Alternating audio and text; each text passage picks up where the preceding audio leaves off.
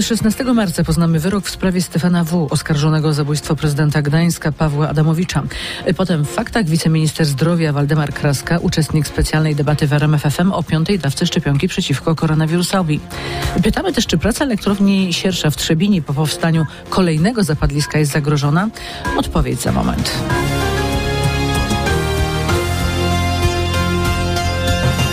16 marca zapadnie wyrok w sprawie Stefana W., oskarżonego o zabójstwo prezydenta Gdańska Pawła Adamowicza. Taki termin został podany w czasie rozprawy, która toczy się dziś w Sądzie Okręgowym w Gdańsku. Trwają tam teraz mowy końcowe. Więcej na ten temat w kolejnych faktach. Twoje zdrowie jest dla nas najważniejsze. Osoby z grup ryzyka dostaną prawo do piątej dawki szczepionki przeciwko koronawirusowi. Tak zapowiedział w czasie specjalnej debaty w RMFFM wiceminister zdrowia Waldemar Kraska.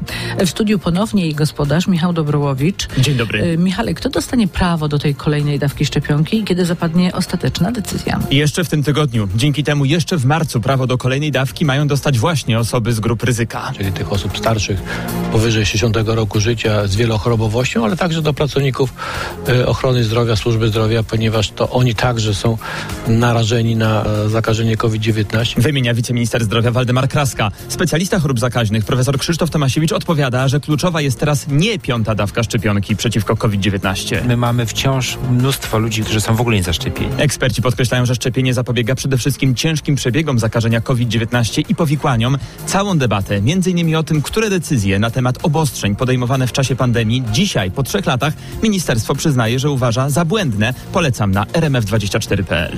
Michał Dobrowicz, dziękujemy i polecamy tę stronę.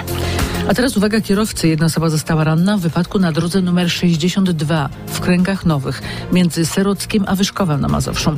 Po zdarzeniu dwóch samochodów osobowych trasa jest zablokowana. Wyznaczono objazdy drogami lokalnymi. Do końca tygodnia mają zakończyć się prace przy linii kolejowej prowadzącej do elektrowni Siersza w Małopolsce. Wczoraj w Trzebinie powstało kolejne zapadlisko, które uszkodziło nasyp kolejowy. Na linii nasz reporter Marek Wiosło. E, Marku, czy praca elektrowni jest zagrożona?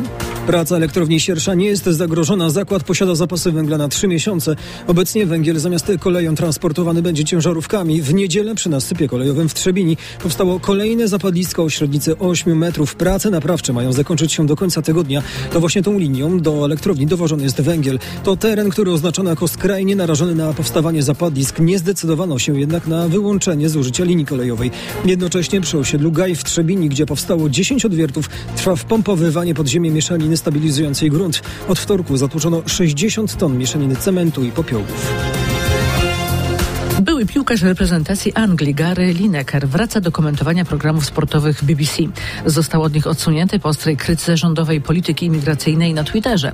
Więcej szczegółów ma dla nas nasz korespondent Bogdan Frymorgan. Wraz z decyzją o powrocie Gary'ego Linekera, brytyjska korporacja ogłosiła rewizję zasad używania przez pracowników BBC mediów społecznościowych.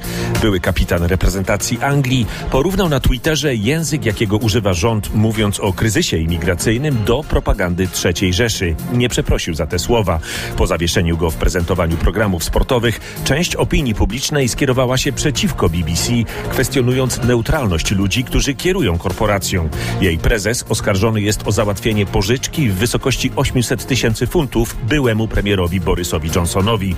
Zdaniem komentatorów nie powinien wchodzić w takie relacje z politykami. Lineker skomentował już najnowszą decyzję BBC.